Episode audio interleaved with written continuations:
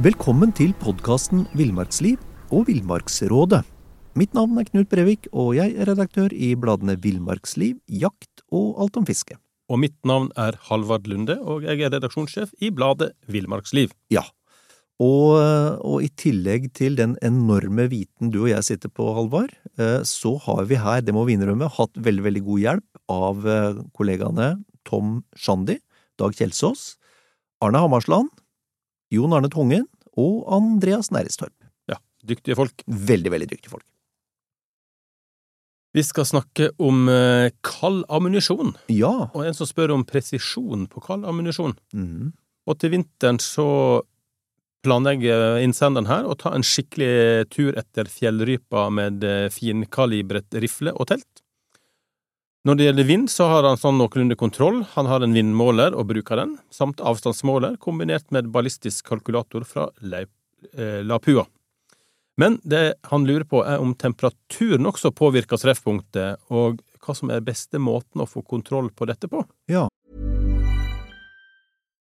Nå får du bladet Villmarksliv rett hjem i postkassa i tre måneder for kun 99 kroner. Send SMS VILL36 til 2205 og motta bladet allerede neste uke.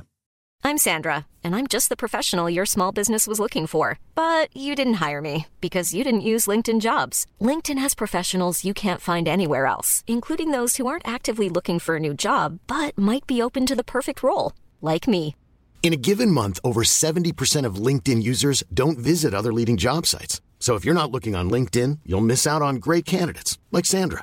Start hiring professionals like a professional. Post your free job on linkedin.com/people today. Ja, um, det, hvis, vi, hvis vi tar svar, det, det lette svaret med en gang, så den beste måten å få kontroll på det på, det er å testskyte den rifla du skal bruke, og den ammunisjonen du skal bruke, Hmm. Sånn røftlig i den temperaturen, Um, og, som det kommer til å være der du skal, når du skal jakte rype. Mm. Uh, for det, det, altså, det er nesten, nesten lettere å ramse opp faktorer som ikke, ikke har eh, påvirkning på treffpunkt enn det motsatte. Ja. Og som regel så har det ikke praktisk betydning. Fordi det, det er veldig, veldig, og som på storviltjakt så har det, har det ikke praktisk betydning, for det har et stort, eh, et stort, eh, stort treffområde. Mm. Men, eh, men det er klart, på, en, på et lite mål som er rype, så er det noe mindre, mindre viktig. Og, og hvis rifla er innskutt en, en veldig varm høstdag, og du tar den rett ut i høyfjellet på 20 minus, så, så kan du merke at skudda går noe, noe under. Og, og når holdet blir langt, så, så, så kan det gå langt under. Og det skyldes jo at kruttet er kaldt, da, og forbrenningen produserer ikke like høyt trykk like raskt som når det er varmt, men som oftest er det uten praktisk betydning. Altså, noen, noen sverger til å holde eller putte patronen i lomma da, for å holde dem varme, men sånn rent praktisk da, så går det jo gjerne noen minutter fra du lader til du skyter, og da er jo sannsynligvis patron og krutt temmelig avkjørt allikevel. Eh, Så, så jeg tror egentlig vi, vi, vi For å gå i ring, så er vi tilbake i utgangspunktet. Jeg tror det jeg ville gjort, var å testskyte våpenet på la oss si 100, da, 150 meter, eh, ved ulike temperaturer, og, og, og hvis du bruker samme skive ammo og våpen, for eksempel på skyting på, på 0, minus 10 og minus 20, og ikke skru på kikkerten, så vil du jo se, gitt at du har gode avtrekk, at det ikke er avtrekksfeil og men du har stødig avtrekk, så vil du jo se hvor mye treffpunktet endres ved ulike temperaturer. Men som sagt, aller beste, prøv det du skal jakte med, i, under de øh, forholda som er så like som de forholda du kommer til å jakte med dem i. Mm. Ok, da er vi over på fuglefronten, Halvard. Ja. Det er gøy. Um, mannen min har laget et nydelig fuglehus der åpningen med vinduslignende hull vender mot stuevinduet. Det er stort overhengende skråtak for at maten ikke skal snø eller regne vekk. Tre vinduer i første og to i andre etasje. Det er en villa, det her, med andre ord. Um, huset er i samme rødfarge som vårt hus og satt på en stake. Vi opplever at fuglene helst besøker naboenes matplasser, selv om vi bruker solsikkefrø og frøblandinger alle sammen. Det virker som en del av fuglene helst ikke vil hoppe inn i huset der maten er, men helst tar det som er sørt på bakken under. Naboene har åpne fuglebrett eller mater på bakken. Kan det være at oljebeisen skremmer eller lukter, spør, spør innsender, og jeg kan føye til, eller kan det være interiøret? Ja, kanskje det. Du, det kan jo selvfølgelig være at naboens frøblanding er mer tiltalende, men hvis jeg, bruker den samme, så ja. Eh, kanskje prøve med en annen type fôr, da. Ja. Men altså, beliggenhet eh, kan åpenbart ha litt å si, men neppe da oljebeisen, da, som, som sannsynligvis er helt tørr. Mm. Eh, det som er at småfuglene vil jo gjerne ha busker eller trær i nærheten, for det, da kan de søke tilflukt om det kommer en større fugl, en rovfugl, for, for eksempel en hauk. Ja. Så kanskje, kanskje har naboen bedre forhold eh, på dette? At det er busker nærere fugle, Ja. rett og slett. Mm, ja. For det kan jeg jo av egen erfaring. Jeg, jeg ser jo på, på mine fôringsautomater i hagen. Ja. Altså, de, de foretrekker jo den som ligger mest, eh, eller nærmest buskene, eller inni buskene, faktisk. ja, for det er vel så Ja. enkelt som at avstand fra nærmeste busk over til neste plass fuglen skal, Ja. det er Jo lenger den er, jo større er risikoen for at det skal skje noe underveis. Da kommer det ei skjære eller noe sånt og forstyrrer, så hopper det, eller, eller de ser meg i vinduet, da, så hopper de bare inn i buskene litt, og så går det et minutt eller to, og så er de tilbake igjen. Nettopp. Så, så det kan jo være et, en veldig god forklaring, egentlig, her, da. Eh, Men det kan jo være at liksom eh, Og dette huset, i og med at det bare har inngang på én side, Ja. eh, opplever det som litt skummelt, da. At eh, fuglene kanskje liker å ha kontroll og, og, og ikke, ikke, ikke få en blindsone, på en måte, ved at de, de står på feil, feil side av huset, og så kommer en rovfugl på andre sida. Mm. Ja. Uh, ja. Så kanskje, kanskje det er en, en kombinasjon av ting da, som, som gjør det her litt vanskelig for fuglen. da. At det er for åpent, og, og at huset gjør at de ikke har skikkelig eh, utsyn. Så det som kan gjøres her, er å flytte fôringsplassen litt nærmere busker, og eventuelt åpne opp, som det heter Ja. på boligspråket. Ja, ja. Ja. Litt feng shui. Det hørtes flott ut! Ja. Ok, vi skal over på, eh, på multiverktøy. Ja. Det er jo veldig morsomt. Alt som er har verktøy. Billig eller dyrt eh, verktøy, da. Og en innsender her skriver at etter mange års bruk så endte hans da gamle og dyre multiverktøy på dypt vann i sommer. Og når han da skal kjøpe nytt, så er det to ting som han har, har slått han, da. Utvalget er jo forvirrende stort, og prisforskjellene er minst like store. Mm. Det kan vi underskrive. Det, prisene på sånne multiverktøy går jo fra 99 til eh, mange tusen kroner, altså. Ja. Og dessverre da så ligger da eh, mitt eh, favorittverktøy, som han skriver, i den dyre delen av skalaen, da. Mm. Eh, mens da disse multiverktøyene fra billigprodusentene koster jo bare en brøkdel. Mm. Og så er det da verdt å bruke mange tusen på et kvalitetsverktøy når det er mulig å få en multifunksjonstank til godt under hundrelappen? Ja, nei, det er jo et godt spørsmål, det. det. Det viktigste vedkommende kan gjøre når det gjelder kjøp av nytt multiverktøy, det er jo, det er jo å gå gjennom de behova verktøyet skal dekke. Tang med avbiter, kniver, filer, sagblad og diverse skrutrekkere, det er som regel standard, men, men gå gjennom hva du har bruk for, og sjekk eventuelle spesialskruer, altså om det er Torx eller Umbraco eh, som er på utstyret, eh, og, og, hva, og hva vedkommende trenger, da for, å håndtere, for å håndtere det. Skal du bruke verktøyet på langtur, sånn at du er fullstendig avhengig av det, eller er det kun på småturer, sånn at svikt ikke er noe problem?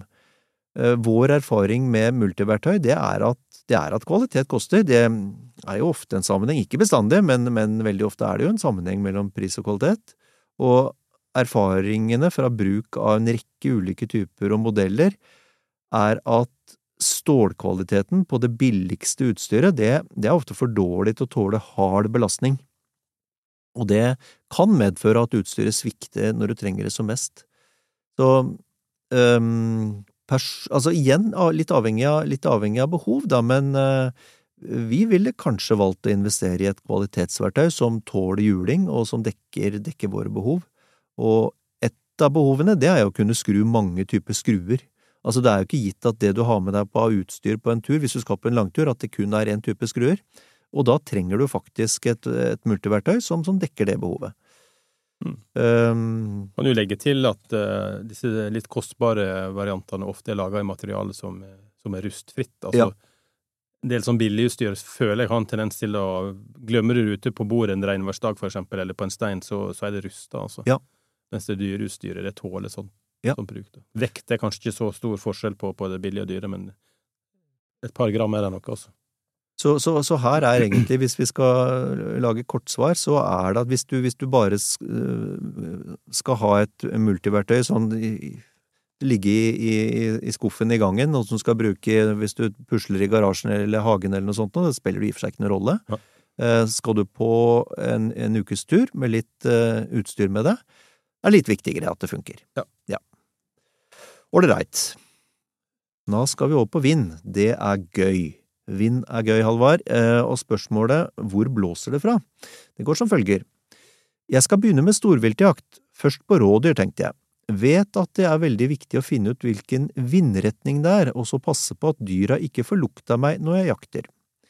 Hvilken metode for å vurdere vindretningen er best, spør vedkommende. Ja, Godt spørsmål. Det er vel kanskje ofte, ofte altså det vanskelig, vanskeligst når det blåser lite, da, på en måte. At det er Ja. bare sånn trekk. Men, eh, men eh, vår mann her svarer at om det blåser friskt, så er det lett å se på trær og strå hvilken retning det blåser. Ja. Eventuelt så kan du, du slippe, slippe ut litt bøss, altså ta noe tørre strå eller et eller annet sånt, og så bare kaste opp i lufta, så ser du jo hvilken, hvilken vei det flyr. Ja.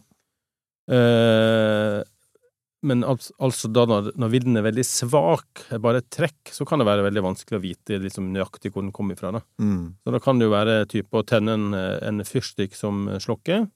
Den vil gi litt røyk som driver av sted. Mm. Jeg må si jeg er ikke så glad i den metoden, fordi det blir den lyden, Ja. hvis det står dyr ikke veldig langt unna, den lyden er nok til å skremme unna et rådyr, altså. Mm. Også noen liker jo å ha en snusboks eh, med litt eh, potetmel i lomma, Mm. så, og i lokket da, så er det et lite hull, og når man steller klemme på den, så vil det pulveret da eh, drive av, av sted i vindretninga, da. Den er genial. Ja. Og så har vi den gamle klassikeren, da, å fukte en finger og holde den opp i, i været, og på den kaldeste sida, da, så, så kommer trekket der, der, derifra. Mm. Mm.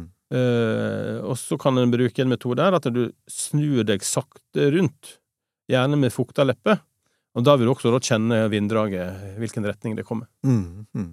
En, en, en annen greie som eh, kan komme litt, litt med erfaring etter hvert, det er å bare snu ansiktet rundt, som, eh, som vi, vi tipser om, Mm. og så være bevisst på, på, på huden rundt øya dine, Mm. for den er veldig, veldig tynn, og, og mye mer følsom, egentlig. Mm. Eh, Så der vil du, hvis du er bevisst på det, så vil du kunne merke, eh, merke vind mot, Mm.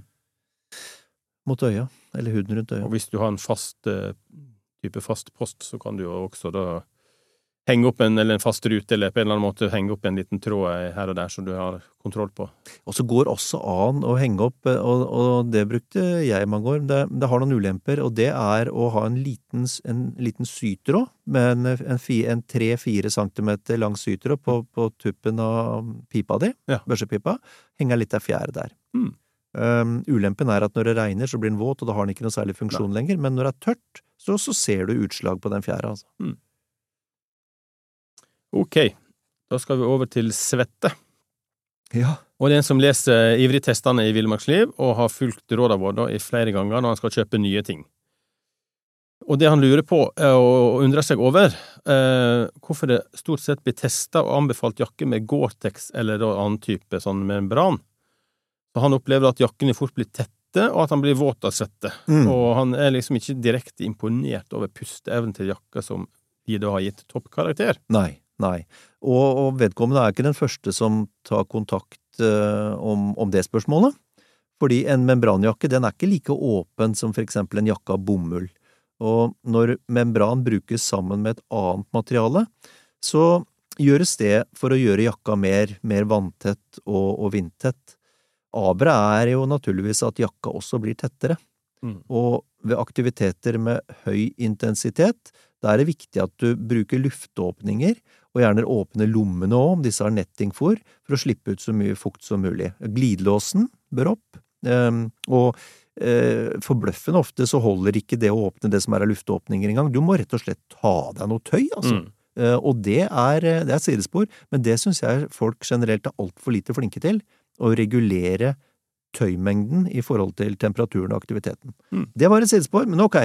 Um, hvor var vi? Jo, det her med, med vi bruker luftåpninger, ja. Um, og jo mer klær du har under, hvis du for eksempel har en ullgenser, desto vanskeligere blir det å få lufta svettedampen. Mm. Og, og, hvis du opplever at en, en, tradisjonell membranjakke generelt er for tett, men ønsker beskyttelse mot regn, så kan du prøve en hybridjakke hvor det er satt inn paneler uten membran, for eksempel i sidene, under ermene og kanskje på ryggen av jakka. Da, da får du en jakke som puster mye bedre men de vil ikke ha samme beskyttelse mot regn. Så jeg, jeg tror det det er, litt sånn, eh, hva skal du si, litt sånn uh, semantikk det her også, litt mm. sånn semantisk misforståelse, fordi når vi snakker om pustende tøy, så, ja. så, så får man fornemmelsen av at dette er tøy som bokstavelig talt puster som oss, og, og Nå får du bladet Villmarksliv rett hjem i postkassa i tre måneder for kun 99 kroner. Send SMS VILL36 til 2205 og motta bladet allerede neste uke. I'm Sandra, and I'm just the professional your small business was looking for. But you didn't hire me because you didn't use LinkedIn jobs. LinkedIn has professionals you can't find anywhere else, including those who aren't actively looking for a new job but might be open to the perfect role, like me. In a given month, over 70% of LinkedIn users don't visit other leading job sites. So if you're not looking on LinkedIn, you'll miss out on great candidates like Sandra. Start hiring professionals like a professional. Post your free job on linkedin.com/people today. Og, det gjør det ikke, altså. Det gjør det ikke. Ok, så langt, eh, så langt eh, pustende tøy og, og våt av svette. Da er vi på vei over eh, på kveitefiske, vi, Halvard. Skal vi se, jeg har arvet et hus ved sjøen nordpå, der det visstnok er bra med kveite. Jeg har noe gammelt fiskeutstyr som også er arvet, og som jeg er litt i tvil om holder mål. Uten erfaring med havfiske må jeg derfor be om noen råd. På snella står det Penn Senator 6 skråstrek 0, og den er halvfull med ganske tykk, lys line som virker å være sterk nok. På stanga er merket slitt vekk, men den er hvit og temmelig stiv og med treskaft. Tuppen har hjul som snøret løper over, i fiskekassa finnes pilker og noen plastfisker med bly i hodet og kraftig krok, de minner om shadjeger som jeg ser på nettet. Ja? Ja, ja spørsmålet om utstyret rett og slett holder mål. Og Da svarer jo vår ekspert her at snella er jo en klassiker innen havfiske, og mer enn stor nok til, til kveitefiske. Man bør selvfølgelig gå over en olje og sjekke at alt virker før den tas i bruk. Og den er da antagelig utstyrt med eh, Dacron-linje, som mm. sikkert er sterk nok, men eh, kanskje bør byttes med moderne line som er tynnere og har samme styrke. At da spolen bare er fylt halvt opp, er et eh, argument for å få ny line òg. Mm. Og fordelen med dagens line er at de, de skjærer, eller går bedre i vannet, da, mm. og ikke driver så lett med strømmen. Og så oppfordres det til aldri å knyte pilk eller krok direkte på lina, men bruke en fortom, gjerne en 1,2 mm skjene på et par meters lengde. Og øverst på fortommen så har du en svivel der lina fra snella knyttes på. Stanga høres også ut til å være minst tre–ti år gammel, og er eh, men er sannsynligvis fullt brukbar. Og eh, altså, dagens moderne stenge er jo ofte mye lettere og mjukere, Mm. Men om, om, alt fungerer på, på stanga sneller, så kan det være helt greit. Mm. Og så bør en sjekke at det ikke er hakk eller grader i ringene på, på stanga, som kan da skade lina. Ja. Og for, for, å lokke kveita kan, du, kan en gjerne bruke en av jiggene, helst, helst agna med en filet av sild eller makrell eller, eller skei, da. Ja. Så bør det kunne bli kveite. Høres sånn ut. På det utstyret. Ja. ja. Det er ikke utstyret det står på ofte. Nei, det er jo det er ofte ikke det. Men du, eh, her er en som lurer på om ørreten ikke blir skremt av sluken. Ja. Og vi lærer jo at ørreten er sky, og at vi nærmest må snike oss fram til bredda og passe på at fisken ikke får øye på oss. Og all sunn fornuft tilsier at den står jo på, på, på eh, ytterste odde midt på lysedagen i solsteika på samme flekken og dunke en sju grams sluk ut på et blikkstille vann, det vil være fånyttes. Men hva som skjedde på ei helg i sommer? Jo, de hadde gjester på hytta, og en av dem som aldri hadde fiska dette vannet før, prøvde seg med slukstanga. Og gjett hvem som fikk en flott kilosørret? Eh, han tenker, Innsenderen her tenker jo at det er størst sjanse å få fisk når det er litt krusning på vannflata. Da ser jo ikke ørreten så lett fisken, og plasken fra sluken høres ikke så godt ut. Men, men altså, nå motbeviste jo denne gjesten teorien min, da. Altså, han fikk jo fisk med å dunke sluken ut på, på blikkstille vann, og, og burde, Mm. burde jo vært et lett, lett å få øye, øye på for ørreten. da. Ja. Hva sier vi om det her? Det første, det første som slår meg, er at dette spørsmålet det syder jo av undertrykt irritasjon Ja. over at en tilfeldig fyr Dette er sånn de dummeste bøndene får de største potetene. Ja. Han kommer altså, vaser inn, slenger på måfå, Ja. får så stor fisk som sannsynligvis innsenderen aldri har fått. Fryktelig irriterende. Vår medfølelse er med en, altså. Men, men når det kommer til spørsmålet, så er det riktig det at ørret blir vanligvis lett skremt av plasking, lyd eller synsinntrykk. Um, en stor, sulten ørret kan ha opplevd at plask betyr at et bytte, som en frosk eller en liten fisk, er tilgjengelig. Mm. I, I noen tilfeller er, er bitelysten og tilfeldighetene sånn at fiskens hogginstinkt, for dette er jo instinktivt utløst, at det hogginstinktet det, det utløses uansett, og da skremmer ikke engang stripingen fra, fra snøret fisken fra å bite. Noe vi ikke alltid tenker over, er at de slukene vi kaster uti, observeres av utrolig mange fiskere i løpet av en dag, og vanligvis så er det svært få av dem som biter, særlig under det vi kaller dårlige fiskeforhold, og stille vann og sol midt på dagen, det er jo vanlig, vanligvis eh, dårlige fiskeforhold for ørret. Men la oss tenke oss at, at du har fiska hundre ganger med din taktikk da på krusete vannoverflate, og at gjesten hadde slengt ut sluken på blankt vann hundre ganger, og vi vil tro at innsenderen hadde fått mange flere fisker. Mm. Så da er det jo bare å, uansett hvor surt det er å si det, det var hyggelig at gjesten fikk en fin fisk, men det kan vi sette på flakskontoen altså. Han hadde ganske enkelt sluken på rett plass til rett tid for en fisk som var spesielt på hogget. Ja, flakse skal ikke en under... Og så det godt, nei, og så er det godt å tenke på at det sannsynligvis aldri kommer til å skje igjen for vedkommende. Ok, um, da skal vi over på frysing. Jeg fryser mye på føttene, men hørte et tips fra Femundløpet som jeg ønsker kommentar på. Der ble det anbefalt å ha plastpose utenpå sokkene inni støvlene. Skjønner ikke helt hvorfor, skriver altså vedkommende. Ja. Her er jo hensikten med, med, med å ha plastposen utenpå sokkene kan jo være todelt. Mm. Altså har du støv, støvler som er lekk, så vil du unngå da at eh, fuktige vann eller fuktighet trekker inn i sokkene, Ja. og du holder deg jo tørr selv om støvelen da blir klissblaut. Men eh, i, i det tilfellet som blir nevnt her, så er nok hensikten å hindre at fuktigheten innenfra blir sugd opp av filten eller annen installasjon i støvelen, Mm, fordi da blir den vanskelig å, å tørke. mm, Så når du da skal bruke den over flere dager i strekk, så blir, blir støvelen da altså Han vil jo fryse til og bli kald og vanskelig å, å få på nesten også, til, til og med. Så tipset er jo bare aktuelt altså dersom du skal bruke støvelen over flere dager, og da med dårlig tørkemulighet. Ja. Og så forutsetter jo dette at du kan eh, skifte til eh, tørre sokker jevnt og trutt.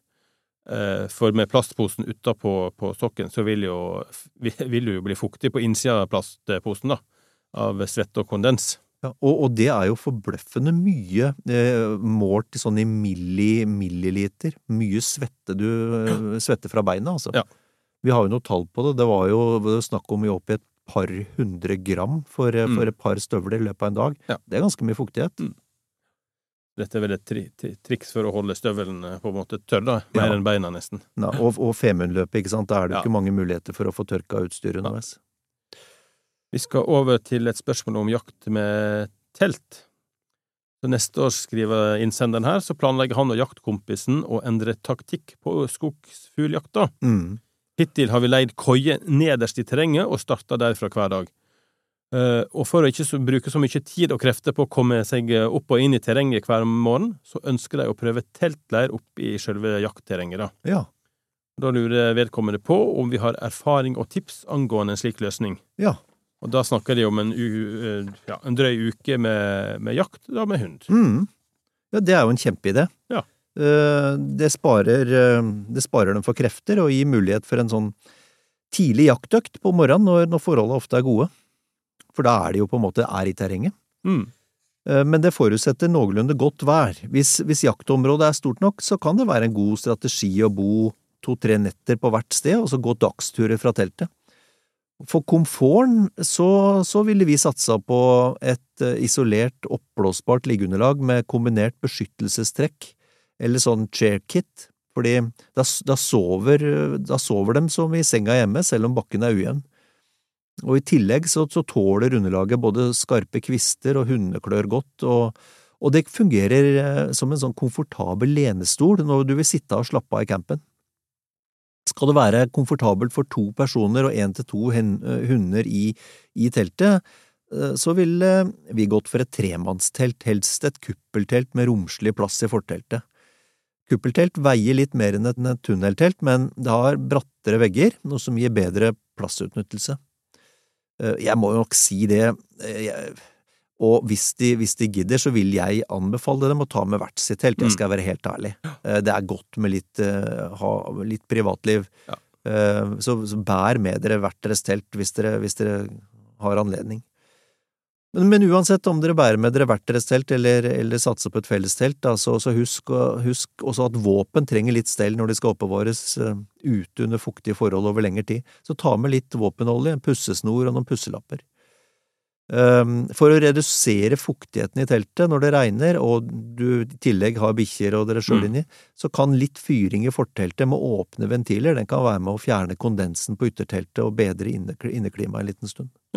Men, men generelt, det å, å jakte, jakte fra telt, helt glimrende idé. Du, Ikke minst er det fantastisk hyggelig å, å, å kunne selv velge utsikten når du skal våkne om morgenen. Ja. Veldig, veldig koselig. Ålreit. Fra, fra telt og bevegelig, bevegelig jaktleire til, til fiskestang. Mm. Jeg leste med interesse tipset om å, reparere, om å reparere ei knekt fiskestang i et tidligere nummer av Villmarksliv. I fjor knakk jeg ei rådyr laksefluestang, men fikk ikke igjen noe på garantien og er skuffet over importøren. Egentlig hadde jeg avskrevet denne stanga, men tenker nå å prøve en reparasjon selv. Problemet er at bruddet er splittet opp omkring 20 centimeter, mens stangdelen som er knekt, henger fortsatt sammen og er altså ikke brukket i to, Mm. som beskrevet i siste fiksehjørne. Hva gjør jeg for å få fikset et slikt brudd uten å svekke aksjonen i stanga? Ja, godt spørsmål. Da har vår ekspert eh, tenkt litt og svart at eh, et sånn type brudd eh, som det der skyldes nok kanskje at stanga blir tråkka på eller klemt eh, klemt, klemt i en eller annen sammenheng, sånn at eh, importøren nok kan bestride at eh, garantien eh, er gyldig, da. Ja. Og selvfølgelig å fikse en sånn stang som er knekt på den måten, er nok vanskeligere enn ei som har et eh, rett brudd, Mm. men, men på ingen måte umulig. Og vår ekspert skriver at han har løst sånne situasjoner tidligere ved å skjære over stanga midt på den splitta delen, og så har han lagt inn et rør som er passe trangt, nøyaktig inn i stangdelen, kanskje fem centimeter inn på, på hver side fra der sprekken er slutta. Ah. Og så ved liming da bør det brukes en, en eh, sakteherdende lim, fordi det tar eh, tid å lage en, en, eh, en, eh, lang nok surring som dekker hele skjøten. Akkurat. Så eh, tips er å legge stangdelene i stødig to V-forma spor, og la, eh, ved hjelp av en eh, eh, Altså rotere den med en drill mens du selv legger på surringa, for eksempel. da. Og du verden. Så, eller få hjelp av en kamerat da, til å snurre stanga. Ja. Eh, resultatet kan bli en, eh, en, en eh, stang som er velfungerende, men, eh, men visuelt så er ikke det sikkert det ser strøkent ut, da. Nei, nei. Men, men du kan nok fort beholde eh, svikten i stanga og, og, og få fisk på den. Mm, mm. Og ikke minst så får det er, jo, det er jo en slags form for gjenbruk, dette her, Ja eller forlengelse av produktets levetid. Og så er det jo ikke alle som er så opptatt av hvordan ting ser ut. Nei da, på ingen måte. Vi har et spørsmål om um, leiting etter fallgevir. Ja, Og vår innsender han, han driver med, med litt med dekorasjon og arbeid i tre og bein, og tenkte han skulle prøve å, å leite opp noen sånne fallgevir av elg som Ja. kan benyttes. Og da spør han om vi har tips hvor, hvor, vi kan, hvor han bør lete, og, og når på året han bør kikke etter sånne fallgevirer. ja. Eh, Jeg har opplevd eh, elgokser som har mista geviret allerede i eh, november, men de fleste elgoksene de, de feller gevir i desember eller januar, altså når det, ofte når det snør eller er myk snø. Og akkurat på den tida så er ikke gevirene så, så enkle å finne. Og etter lange perioder med hard snø og uten nedbør, så kan det imidlertid være lurt å ta en tur i elgmarkene på leiting etter gevir. En fin periode til, til det er akkurat når snøen er godt om våren, og, og før det gror til i skogbunnen. Så oppsøk, eh, oppsøk områder der det pleier å være elg sånn rundt desember-nyttår, og, og, og kikk også langs større trekkveier. Um, og, du, og så vil jeg tro du kan få tips av lokalkjente hvis du ikke, ikke, er, eh, ikke er godt kjent, men veldig, veldig ofte så er det de samme områdene, noen av de samme plassene du finner fallgevir år etter år. Og så finnes det jo en del store Facebook-grupper for eh, elgjegere og andre som du kan sikkert stille spørsmål òg og få tips, og kanskje til og med noen har sånne gevir liggende til, til eh, en billig penge, eventuelt. Kanskje til og med gratis. Kanskje til og med gratis. Jeg merker med meg sjøl når jeg, jeg tar alltid med meg fallgevir. Jeg, jeg har jo ikke noe bruk for det, Nei, men, men eller jeg syns det har verdi. garasjen er full. Jo, jo. Nei, så, så, og det, er vel helt sikkert flere enn meg. Jeg har ikke noe bruk for det, og, og gir villig vekk hvis, hvis noen spør. Ja, ja, ja. ja. Um, ja men- det er jo en men- eh, men ressurs, det òg. Det er en ressurs, Åpenbart. altså. Ja. Men da, eh, fra ressursprat, så lurer jeg egentlig bare på om vi skal ønske folk en aldeles eh, fremragende uke videre. Absolutt.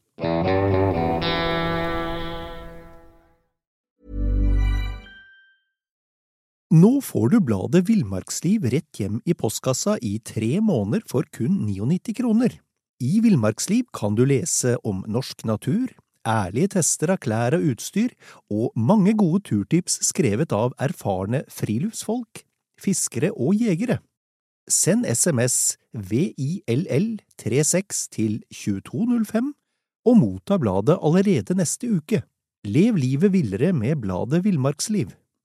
Mom deserves the best, and there's no better place to shop for Mother's Day than Whole Foods Market. They're your destination for unbeatable savings, from premium gifts to show-stopping flowers and irresistible desserts. Start by saving 33% with Prime on all body care and candles. Then get a 15-stem bunch of tulips for just $9.99 each with Prime. Round out Mom's menu with festive rosé, irresistible berry chantilly cake, and more special treats. Come celebrate Mother's Day at Whole Foods Market. Even when we're on a budget, we still deserve nice things. Quince is a place to scoop up stunning high-end goods for 50 to 80% less than similar brands. They have buttery soft cashmere sweaters starting at $50, luxurious Italian leather bags, and so much more. Plus, Quince only works with factories that use safe, ethical, and responsible manufacturing. Get the high-end goods you'll love without the high price tag with Quince. Go to quince.com slash style for free shipping and 365-day returns.